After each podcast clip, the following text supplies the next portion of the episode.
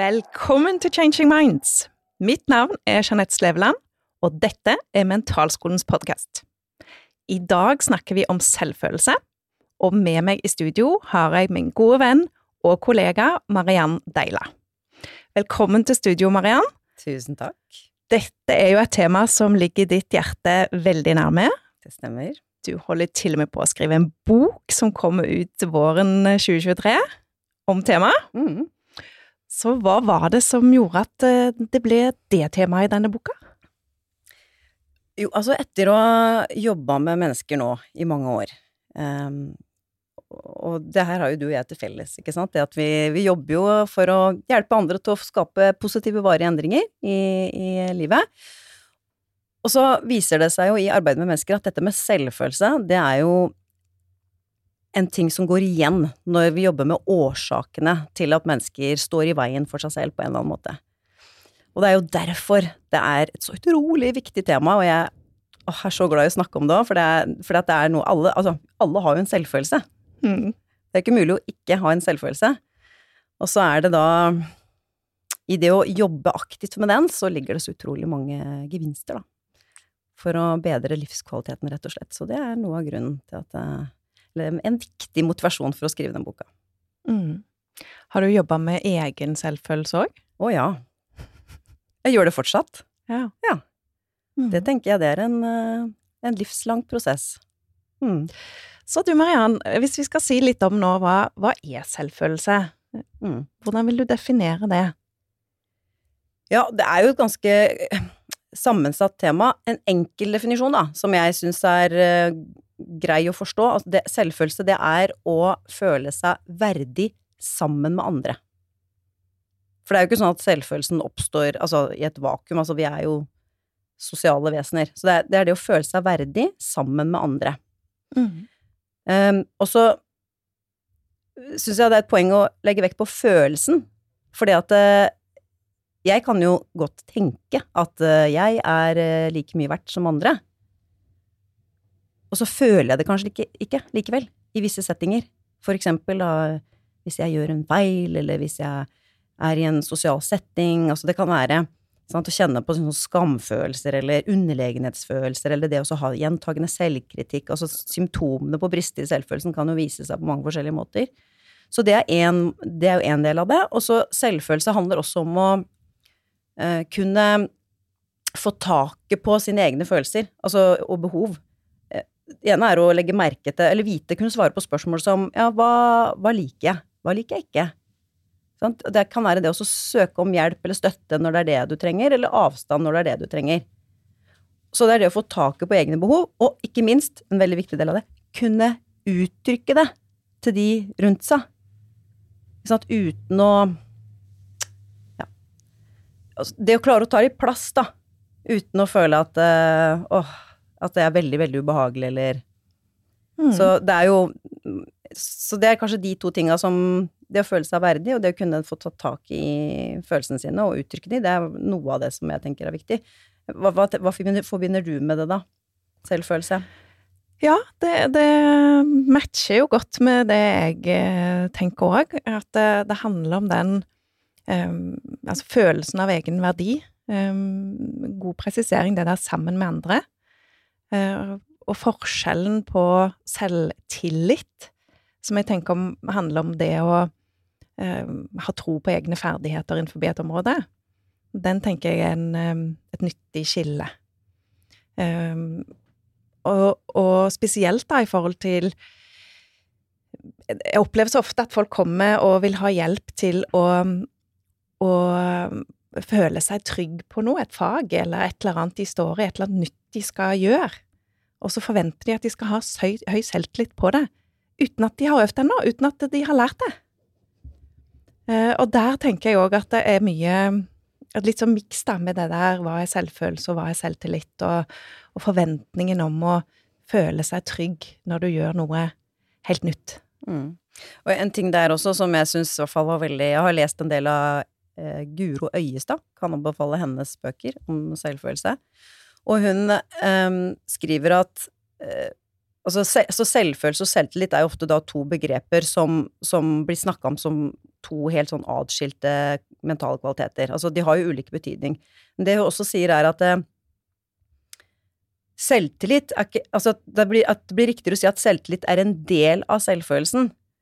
Sånn at det å føle seg verdig eh, handler også om Altså, det å bidra med verdi, da, avler også en følelse av verdi. Eh, og det, det, det, tenker jeg, å, det gir mening, fordi, men det trenger ikke å være store ting. ikke sant? Det handler jo om, og det kan være, være noe for barna sine, eller eh, det å kjenne at jeg mestrer jobben min. Ha mestringsarenaer, da. Og at eh, Men problemet oppstår for mange, da, hvis selvfølelsen ene og alene hviler på selvtilliten.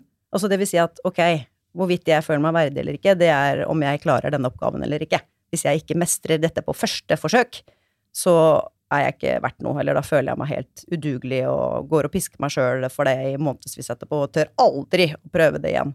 Altså, nå setter jeg det litt på spissen, men det er når den Da blir den litt ubalansert, da. Så det, det syns jeg er så fin, uh, liksom fin måte å se det på. Vel, veldig. Jeg syns òg det er flott, flott uh, måte å beskrive det på. Mm. Mm, og, og, vise at de henger sammen. Ja. Mm. Så det, det, er ikke noe gærent i å skulle like å være flink, hvis du skjønner. Altså, det er supert, det, å ønske å prestere og forbedre seg. Det, det er ikke det vi snakker om her, men det er når ja, for mye av egenverdet, da, hviler i det å skulle prestere, eller se ut på en viss måte, eller altså at det kan eh, oppstå litt utfordringer. Mm.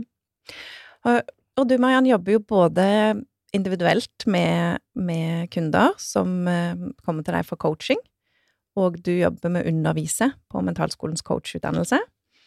Så hva er typiske symptomer på at det er brister i selvfølelsen som, som du opplever blant kundene dine, eller blant eh, Som du ser da ute i mm. samfunnet vårt? Mm. Typiske symptomer, det kan være Altså, det er jo, det er jo, det, det er jo følelse av for eksempel underlegen eller mindreverdig i en sosial setting. Det kan være eller visse sosiale settinger. Det er jo ikke gjerne i alle situasjoner. Eh, det kan jo være at, vi, at noen ubevisst rangerer seg under andre, basert på ja, penger, eh, intellektualitet eller andre ting. Det kan være andre symptomer kan være en veldig sånn sterk eller begrensende frykt for å gjøre feil. Sånn som gjør at jeg tør ikke å melde meg på det kurset eller ta den utdanninga eller gjøre den nye oppgaven. Så de begrenser seg sjøl. Eller går rundt og har uro, masse uro, over å perfeksjonerer eller redd for å sjekke, dobbeltsjekke 150 ganger før eh, de sender fra seg noe, eller Og så kan det også være andre ja, Blir litt sånn grenseløs. Det å ikke klare å si nei. Eh, hevde behova sine, og stå i det.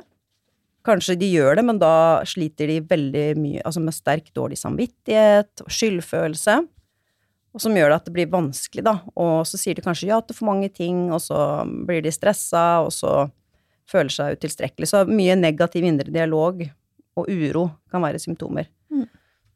Og det syns jo ikke nødvendigvis på utsiden.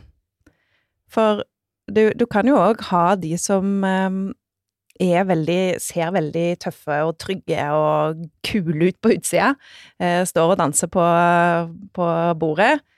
Eh, ikke redd for å få øynene på seg, men som allikevel har eh, brister i selvfølelsen.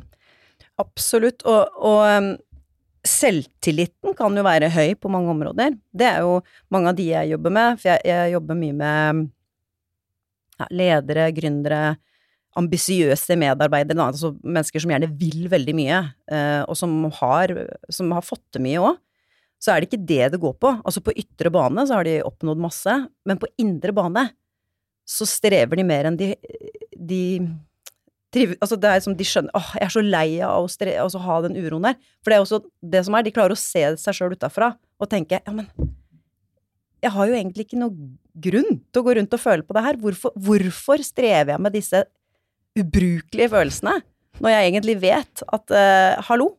Altså, jeg så altså det er en mismatch da, mellom hva de rasjonelt vet om seg sjøl og sin egen verdi, og hva de føler. Mm. Det er ofte utgangspunktet. Uh, ofte også at de kanskje har stått i mye over tid, da. Det er gjerne at summen av belastningene har blitt for, for stor, og så er det sånn nei, nå, nå må jeg ta tak i det her.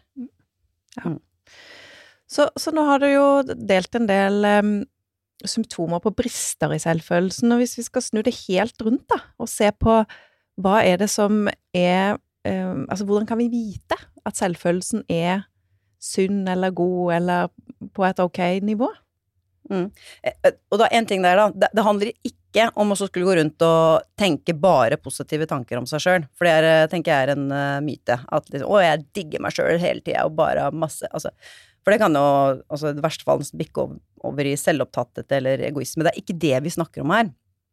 Det handler mer om å kunne eh, kunne ha en eh, ledighet til seg sjøl, altså kunne aksept, eller tåle seg selv, da. Altså også både kunne anerkjenne styrkene sine og akseptere svakhetene sine, og at livet går opp og ned. Nå glemte jeg faktisk spørsmålet ditt. Hva var det? Ja, hva, hvordan vi kan vite om selvfølelsen er god eller Ja. sunn? Ja. Så ja, ja, det er et godt spørsmål, Jeanette. Altså, vet, altså det er jo det er jo det Jeg tenker at det, en, det er mental robusthet og fleksibilitet er ordet jeg liker å bruke. At det handler ikke om å gå rundt og bare å, være happy go lucky hele tida. Det handler om å kunne, kunne eh, tåle motgang. Altså tåle livets motsetninger. Eh, å kunne anerkjenne nå er jeg lei meg, eller nå, nå har jeg det vanskelig. Å kunne lytte til de behova og faktisk eh, fortelle det til kjæresten sin, for eksempel. Eller si, stoppe opp og si nå treng, hva er det jeg trenger nå, og gi meg selv det. Det kan det kan det være. Og så kan det være det å kaste seg ut i en ny oppgave, da, og tåle å være ræva dårlig på noe. Mm. Og, og kunne Ok, dette her er jeg ikke god på, men dette, og jeg skjønner det. Det er fordi at jeg har ikke gjort det så mange ganger før. Og så ønsker jeg jo å gjøre det fordi at jeg har lyst til å bli bedre på det, og tåle det. At være ny i noe. Fill in here, for det Ja. ja.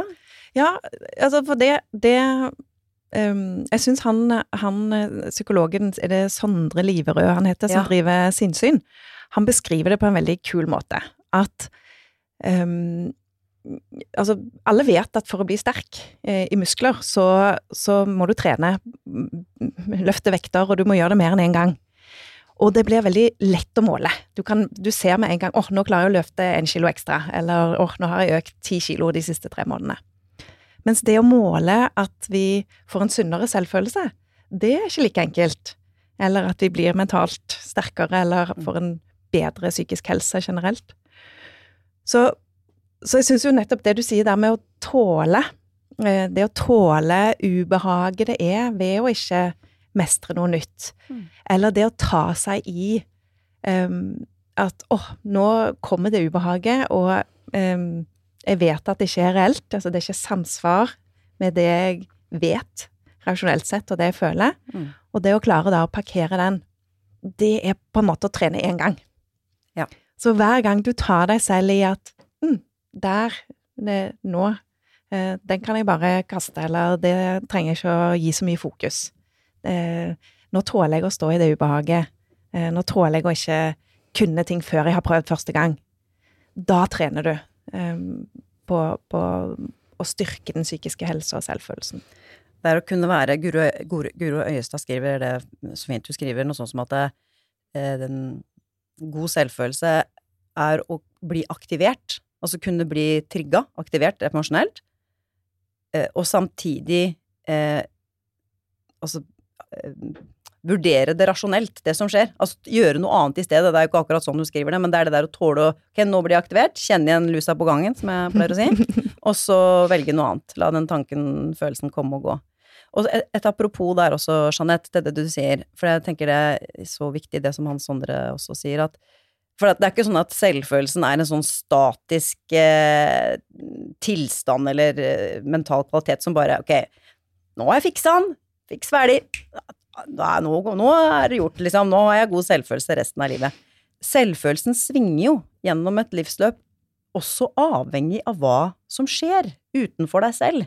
Mm. Det er ikke sånn at jeg bare kan Altså, mister du jobben, eller du blir syk, eller det kan være du blir eldre, det kan være eh, motgang på en eller annen måte som setter selvfølelsen på prøve. Og, og, da er det jo ikke realistisk å skulle føle seg som øh, verdens øh, mest verdige person og ikke sant? Det er ikke det som er clouet. Da handler det mer om å kunne ha et, et fundament, altså en robusthet til å tåle det, så man kanskje ikke da faller så langt ned i kjelleren eller klarer å jobbe seg ut av det, da. Mm. Og så tenker jeg et, et eh, annet aspekt som jeg syns er litt spennende, det, eh, og det var Jeg ble spurt en gang på hvordan vet du hvordan selvfølelsen din er? Um, og da ble jeg utfordra på ja, har du et sånn barometer inni deg som, som, du bare vet er på sin skala da, fra én til ti, og så ja, din er på to eller din er på åtte? Uh, og, og, og, den tydeliggjøringen da av at det er jo et konsept, det er en Altså, vi dømmer oss selv å sette oss sjøl på en eller annen tenkt skala som, som jo ikke finnes der, egentlig. Um, og det òg var en sånn aha-opplevelse for meg å skjønne at ok, hvis jeg har skapt Altså selvfølelse bare er et konsept, det er noe jeg bare har hørt om, og så har jeg rangert meg sjøl, mm. um, så kan jeg vel òg velge å rangere det annerledes, da. Ja. Mm. Det er akkurat som hvordan, hvordan vet du at du føler skam? Mm. Det er jo også For det er jo det som er litt fascinerende, at eh, i sånn som for min egen del, når jeg har blitt kjent med hva selvfølelse er, jeg har jobba mye med selvfølelsen, så setter jeg jo ikke den merkelappen lenger på Altså de gangene jeg får en sånn dårlig følelse, da. Eksempelvis hvis jeg da har levert eller prestert eh, dårligere enn det jeg har forventa meg selv. Så tenker jeg jo ikke at nå skammer jeg meg jeg får jo fortsatt en dårlig følelse. Det er jo bare fordi at eh, det er et gap mellom hva jeg forventa av meg sjøl, og hva jeg faktisk gjorde. Og så blir jeg kanskje litt skuffa over meg sjøl, og så tenker jeg ja, ja. Jo, men eh, så jeg, trekker jeg ut lærdommen av det, og så går jeg videre. Fordi jeg tenker annerledes om det. Så jeg, så jeg trenger, altså, og da er det jo noe med at da forandrer jo følelsen seg også fordi at jeg tenker annerledes om den. Mm. Så det, da, blir, da blir jo ikke den sittende fast, den får komme og gå. Så det er jo også ganske fascinerende. Ja, og, og hvordan det da, bare den måten å å, å, se på altså om man har eh, gått på trynet eller eh, levert noe under, under, egen forventning, og kunne si til seg sjøl at ah, ok, så var det ikke sånn jeg hadde håpet jeg skulle gjøre det, eller ah, det ble ikke helt uh, som jeg hadde tenkt. Ta med seg læringen, og ok, da kan jeg gjøre det annerledes neste gang. Og der kommer aksept inn. Sant? Det er jo en eh, altså jeg vil si en bærebjelke i det å bygge en trygg, trygg selvfølelse, en balansert selvfølelse. Aksept er ikke det samme som å like, det er ikke det samme som å godta, det er ikke det samme som å gi opp. Det er en utbredt misforståelse. Aksept er mer en sånn erkjennelse av at sånn er det å være menneske. Og vi gjør feil. Alle mennesker gjør feil. Jeg har underprestert før, kommer til å gjøre det igjen. Eh, vi behøver ikke å kalle det en feil engang, men altså eller at altså, Sånn er det. Så aksept, det å akseptere seg selv og sine svakheter og feil, det er ikke det samme. Jeg trenger ikke å Jeg, jeg trenger ikke å eh, Altså, det å ha god selvfølelse, det handler jo ikke om at jeg må elske meg sjøl hele tida. Altså, det er jo sånn jeg trenger, Absolutt ikke. Tenk bare på Hvis vi tenker på ungene våre, da. De kan jo ha svakheter som vi kanskje ikke liker så godt. Altså ting som Men vi, elsker, vi er jo glad i det, og vi elsker det jo for, de, for det. Og det er samme med oss selv. At uh, jeg kan akseptere at jeg har noen svakheter eller tendenser eller eh, Selv om ikke jeg liker det.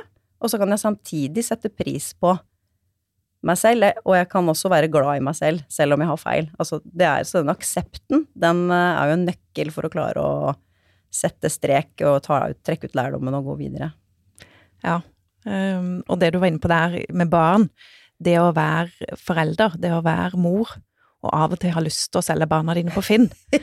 Eh, det har i hvert fall jeg kjent på en del ganger, og det å tørre å innrømme det mm. overfor meg sjøl uten å skamme meg over det, og uten å tenke at jeg er en dårligere mor For altså, det jeg det, det, jeg, det jeg innrømmer overfor meg selv, er at morsrollen, den har, der, der, har jeg dager hvor jeg er på mitt beste, og så har jeg dager hvor jeg er på mitt dårligste. Og så er de aller fleste dagene et eller annet sted inni der.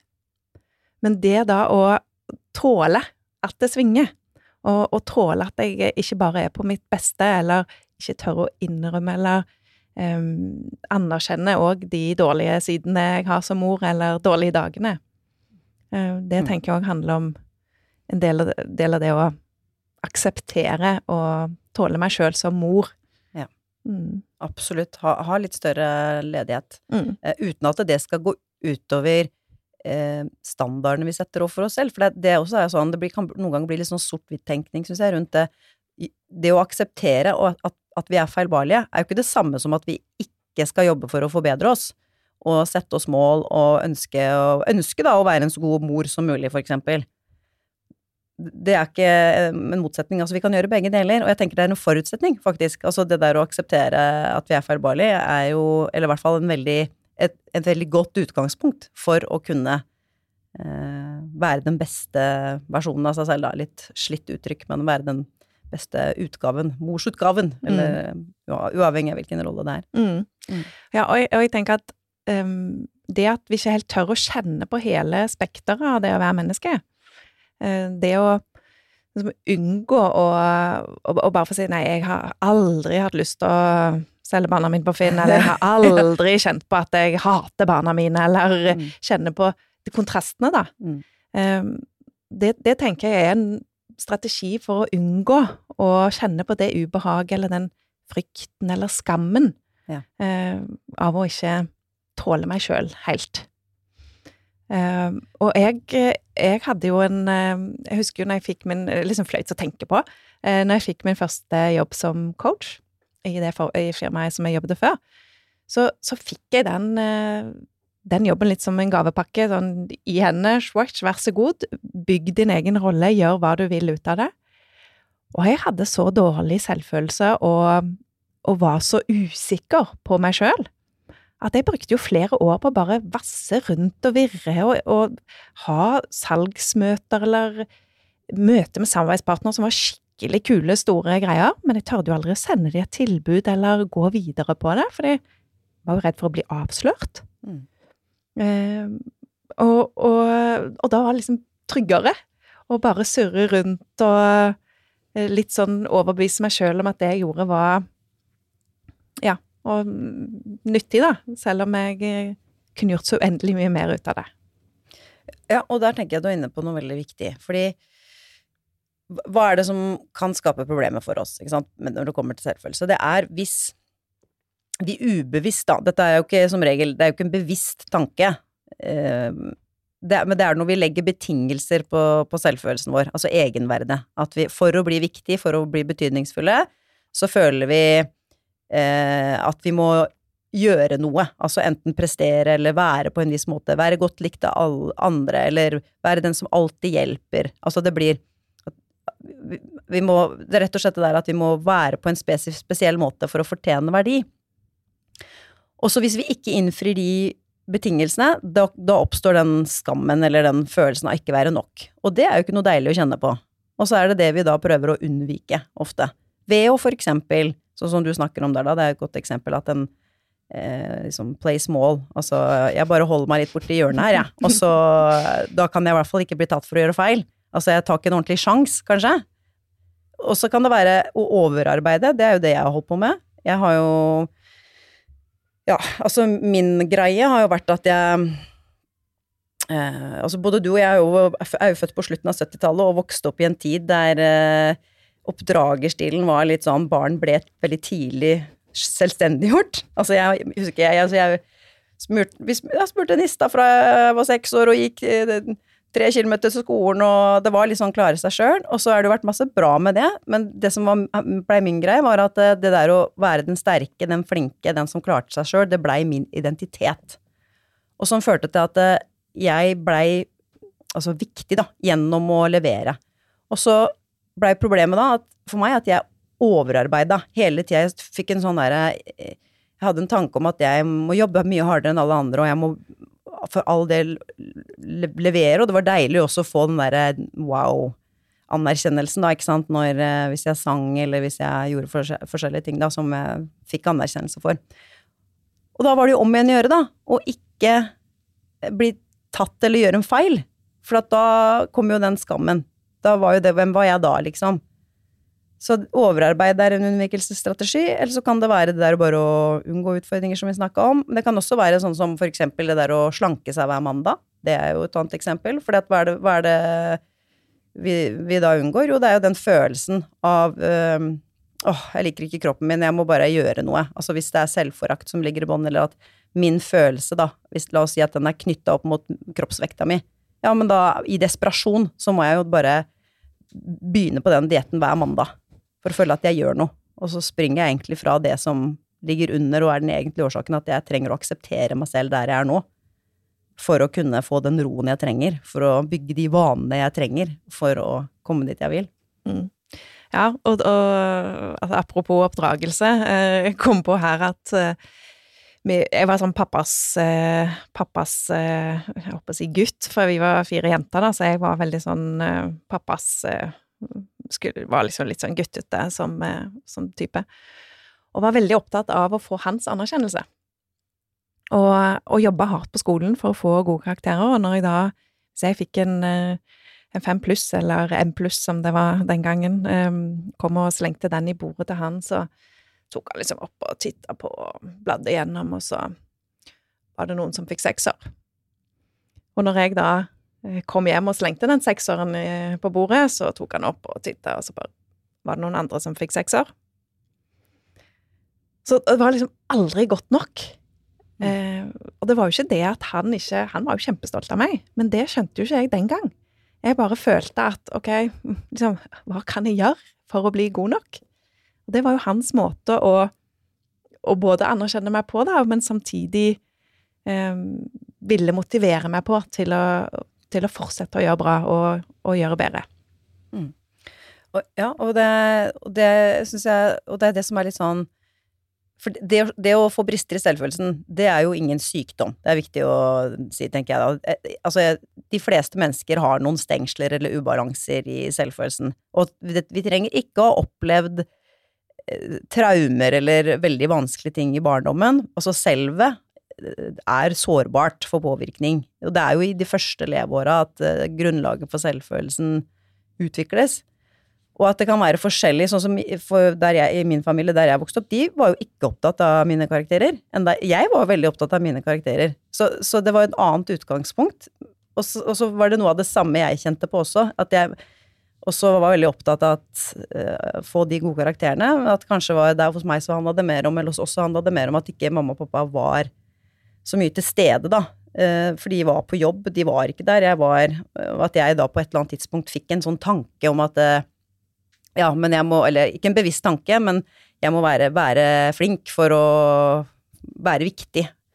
Og, det, og det er der, dette er jo derfor vi som voksne kan få irrasjonelle følelser. Det, fordi at det stammer jo gjerne fra en eller annen innlært eh, Noe som er innlært i barndommen, som ikke er bevisst. For når vi er små barn, så er vi jo ikke Vi har jo ikke de kognitive evnene som vi har som en voksen. Og da trekker vi Kan vi jo trekke konklusjoner om oss selv, eller Eh, som igjen ikke er bevisste, men bare når vi får noen forståelser eh, av oss selv, som blir til sannheter. Og så er det det som vi ser verden gjennom. Ok, jeg må levere for å være flink, og så blir vi voksne, og så vi jo, har vi jo vokst ut av den eh, Vi tror ikke på det rent rasjonelt lenger. Likevel så får vi denne samme responsen, da, frykten eller skammen eller så, så i det, da, det syns jeg er litt fint, for da er det egentlig noe rasjonelt ved det irrasjonelle. Det er et gammelt program. Tenk over det. Så at hvis du føler deg underlegen da i en annen kontekst i voksen alder, og så bare tenker du 'hallo, hvorfor føler jeg meg underlegen her'? Det er jo helt teit. Og så er det jo egentlig et gammelt program. Altså det er en gammel tanke som ikke du er klar over. Altså at du har rangert deg under andre uten at du vet det. Og det er jo det vi jobber med i coaching. Det er jo å bli bevisst på hvor er det dette her egentlig kommer fra. Når starta det? Hvorfor har jeg den rollen her, eller den omsorgsfulle, da, for eksempel, som er noe som går igjen. Den som alltid skal hjelpe andre, og som blir grenseløs. Det er jo ofte fordi at har, det er en dynamikk i familien, eller det kan være at de har vært eldstemann i søskenflokken, for eksempel, og at de har, de, de har fått den rollen uten at de har stilt spørsmål ved det. Og så bare blir det en måte å være på. Mm. Mm. Ja, og um, du snakker jo litt tilbake igjen til barndom og, og utvikling her, og hvordan dette med selvfølelsen blir påvirka. Så jeg ja. kan jo si litt om, om det òg. Altså hvordan utvikler selvfølelsen seg gjennom et livsløp? Mm. For, for, da er det jo sånn at vi, vi ofte har en selvfølelse som, som synker i barneåra, og når et sånn bunnpunkt i 12-13-årsalderen. Og, og eh, Richard, eller Richard eh, Robinson, eh, og, og masse flere kollegaer av han, gjorde et svært studie i 2002. Der var det over 300 000 deltakere eh, hvor, som svarte på spørsmål for å se på okay, hvordan, hvordan har selvfølelsen utvikla seg da gjennom livet. Så eh, etter hvert da i barndommen, når, som det synker ned til sånn 11-12-13-årsalderen, så, så er jo det ofte fordi barnet blir mer bevisst på seg selv. Og forstår mer um, av sine kognitive begrensninger. Fra å kanskje ha det der Sammenligne seg med en superhelt og hey, være, være, litt sånn egosentrisk og høy på seg sjøl, til at man får et mer sånn Ja, ser forskjellen, da, på, på det reelle meg, altså det, det, det jeget som jeg har, um, og dette her ideelle selv, den jeg skulle ønske jeg var, eller den jeg jobber med å bli. Og, og gjennom ungdomsåra så stiger ofte selvfølelsen svakt. Eh, og helt gjerne opp til alderdommen, faktisk. Sånn i 78-åra. Da begynner den å synke igjen. Så det er jo ikke uvanlig å ha eh, brister i selvfølelsen, eller at selvfølelsen, selvfølelsen, varierer gjennom livet. Det er jo det som er normalen. Mm. Mm. Og så er det jo fint også da, syns jeg, da, for vi som jobber da med endring og At det fins Det å bli klar over disse Altså få kunnskap om selvfølelse, og ikke minst verktøy, det å jobbe aktivt med selvfølelsen, for det kan vi jo gjøre, gjør jo også at vi kan bli mindre sårbare for de svingningene som livet har å by på. Så får jeg jo tippe, uten at Jeg har ikke gått inn i den forskninga, men eh, det henger jo sikkert sammen, vil jeg tippe, altså, når vi blir eldre eller voksne. Altså, det har også sikkert noe med hva som kjennetegner de livsfasene, hva som skjer rundt oss, mm. vil jeg anta. Mm. Som igjen påvirker hvordan vi føler oss og betrakter oss selv. Ja. At uh, gjennom å jobbe aktivt med mental trening og med selvledelse og få verktøy, så kan vi uh, ja, bli mer uh, Jobbe for bli, at den er mer stabil, da, også når livet byr på motsetninger. Mm. Så, så, når du jobber da med mennesker som, som Og du avdekker at de er brister med selvfølelsen, hvordan, hvordan, jobber du med det? Hva gjør du? Ja, det er jo et, Det som går igjen, er jo det å jobbe med aksept. Altså det at det å forstå hva aksept er, hvordan kan vi bruke det eh, i hverdagen. Og for meg personlig også, så vil jeg si at det kanskje har vært den ene brikken som har vært viktigst for meg i det å bygge min egen selvfølelse. Det der å eh, opparbeide aksept for eh, mye av det jeg ikke liker ved meg selv, og for så vidt, du kan bruke det på det rundt deg òg. Og, og, med, og, det som er fint, det er, at, det er jo at, vi vet åssen vi skal akseptere ting vi ikke liker. Det er jo en ressurs vi allerede har, for vi gjør det på veldig mange andre områder i livet. Så hvis jeg spør deg der, Jeanette, hva er noe lite hverdagslig som du ikke liker, men som du ganske lett aksepterer? Å, det er mye. At uh, vi har ulikt vær, og at det er trafikk inn og ut av Oslo og i rushtida. Uh, jeg kan akseptere det.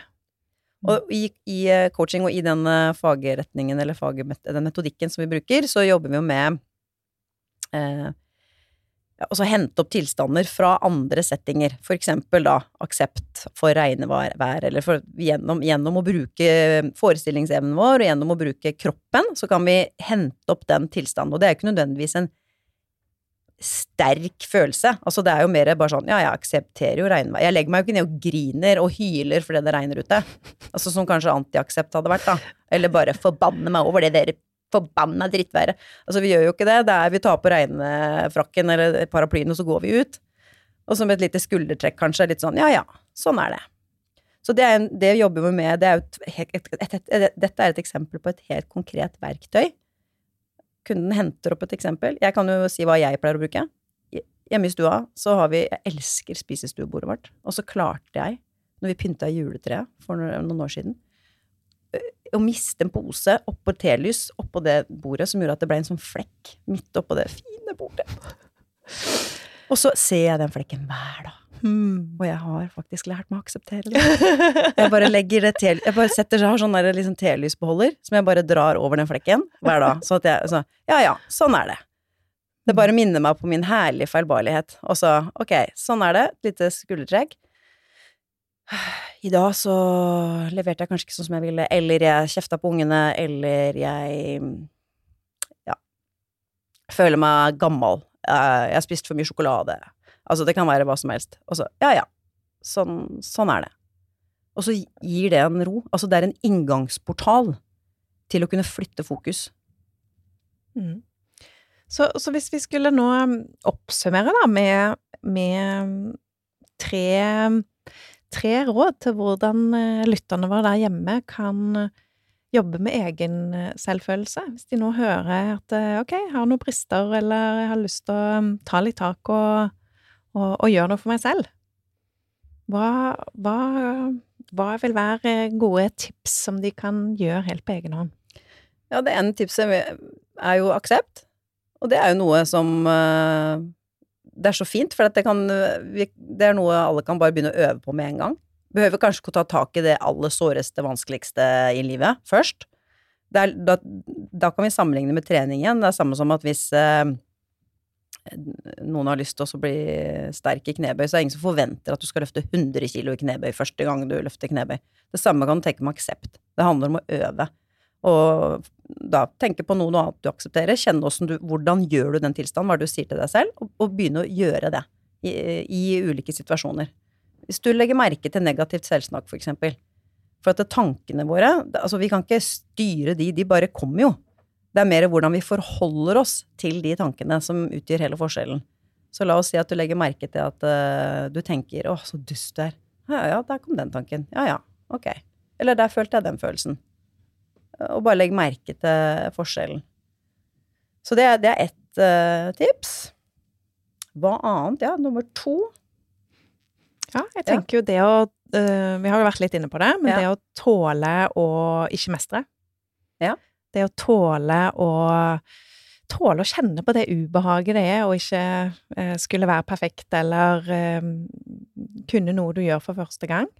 Eh, tåle å være litt sånn nysgjerrig på den eh, På den eh, På det ubehaget.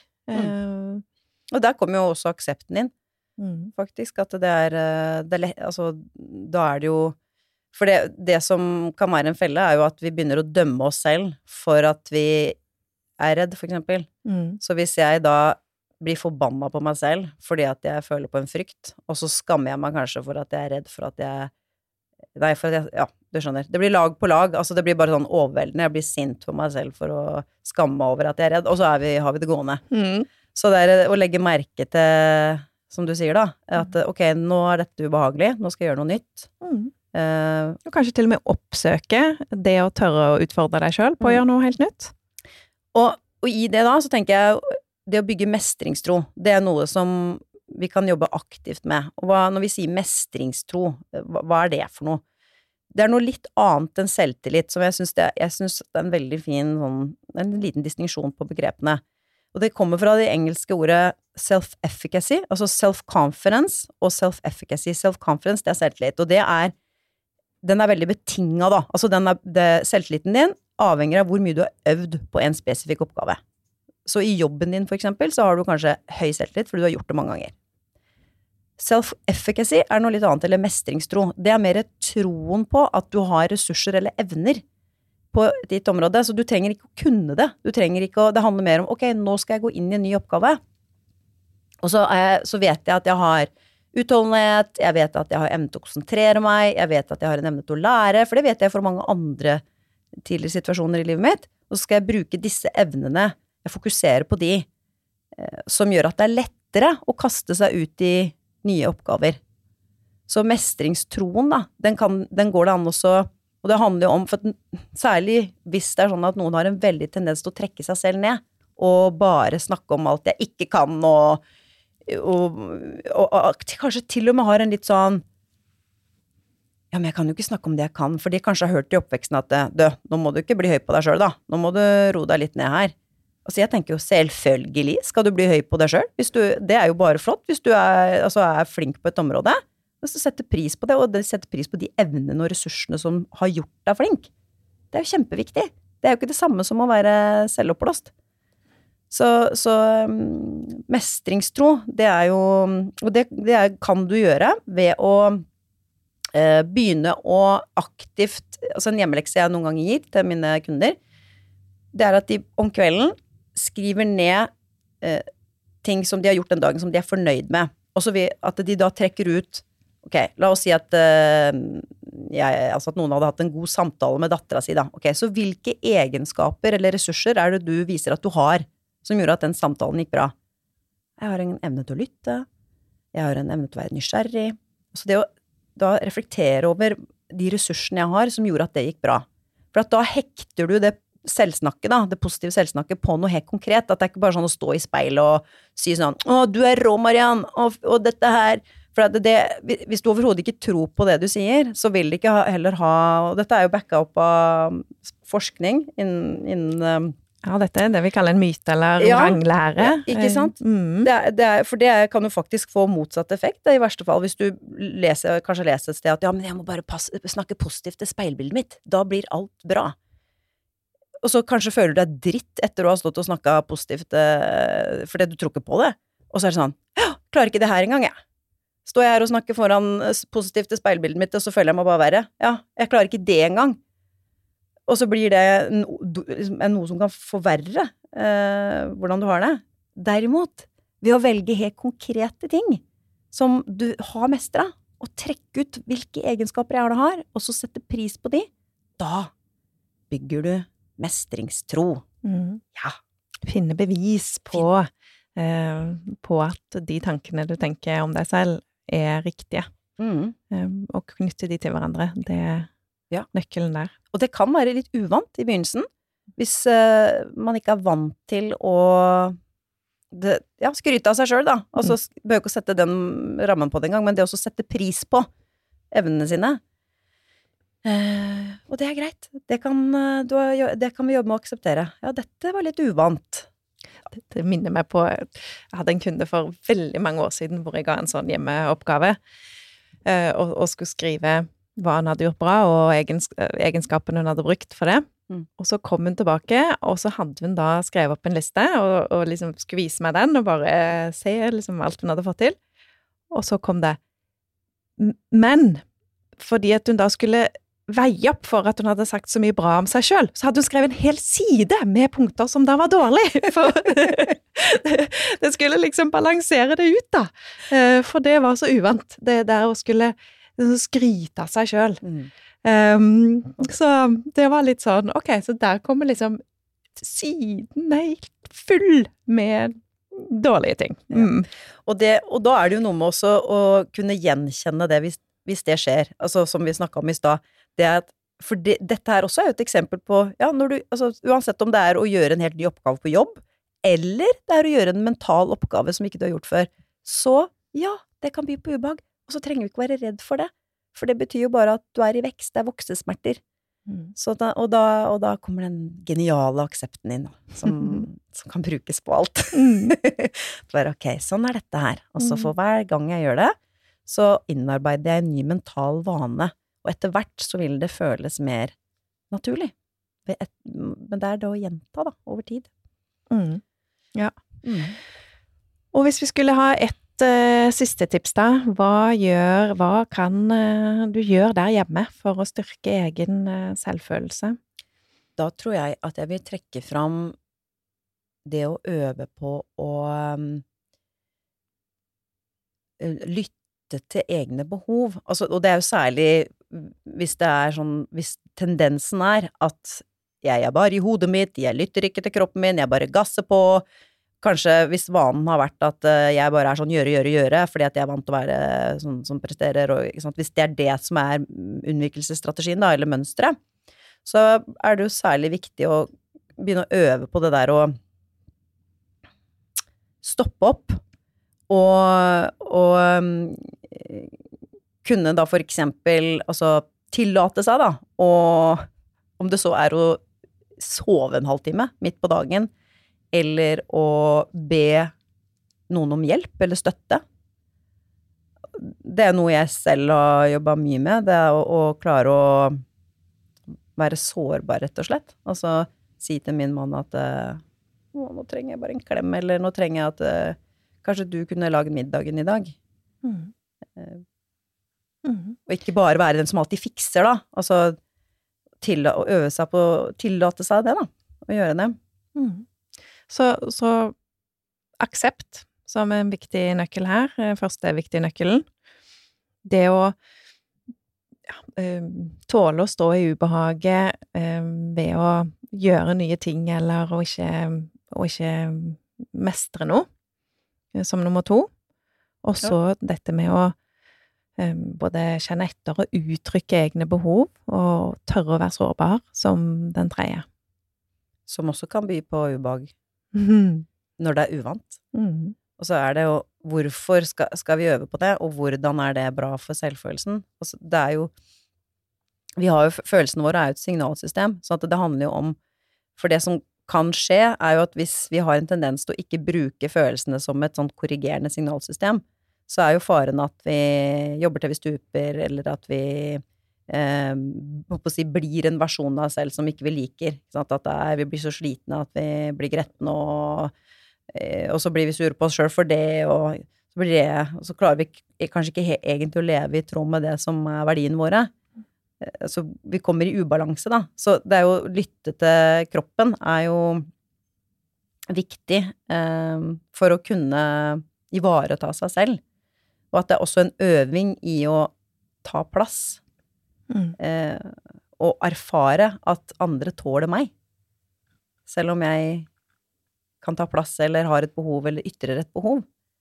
At det er i, og i samspill med andre så styrkes, så styrkes selvfølelsen. Når vi blir møtt av andre og vi våger å være, være sårbare sammen med andre. Og for å gjøre det, så da trenger vi å det, øve på å ta det skrittet, ikke sant, og våge faktisk å, å vise den sårbarheten, da. Og bygge de erfaringene. Mm. Og, og, vi vet jo fra psykologien at eh, det å det å ha en, en sunn og en god selvfølelse er en viktig del av det å ha god psykisk helse. Uh, og det, det å bygge, bygge den gode selvfølelsen vil da òg eh, ofte gi god effekt på den psykiske helsa, helsa vår, da. Ja, og bare for å smette inn der, apropos det, da. I det der tredje punktet, så kan det også være det å sette en grense. Det kan også være et eksempel på å lytte til egne behov si nei til eh, ja, en oppgave på jobb som er utenfor mandatet ditt, eksempelvis. Så, så, det også er jo, går jo i det, da. Nettopp, eh, ja. Mm. Mm. Og med det så sier vi eh, tusen takk eh, for i dag. Eh, du finner oss på eh, mentalskolen.no. Vi er på Instagram, Facebook, YouTube og TikTok.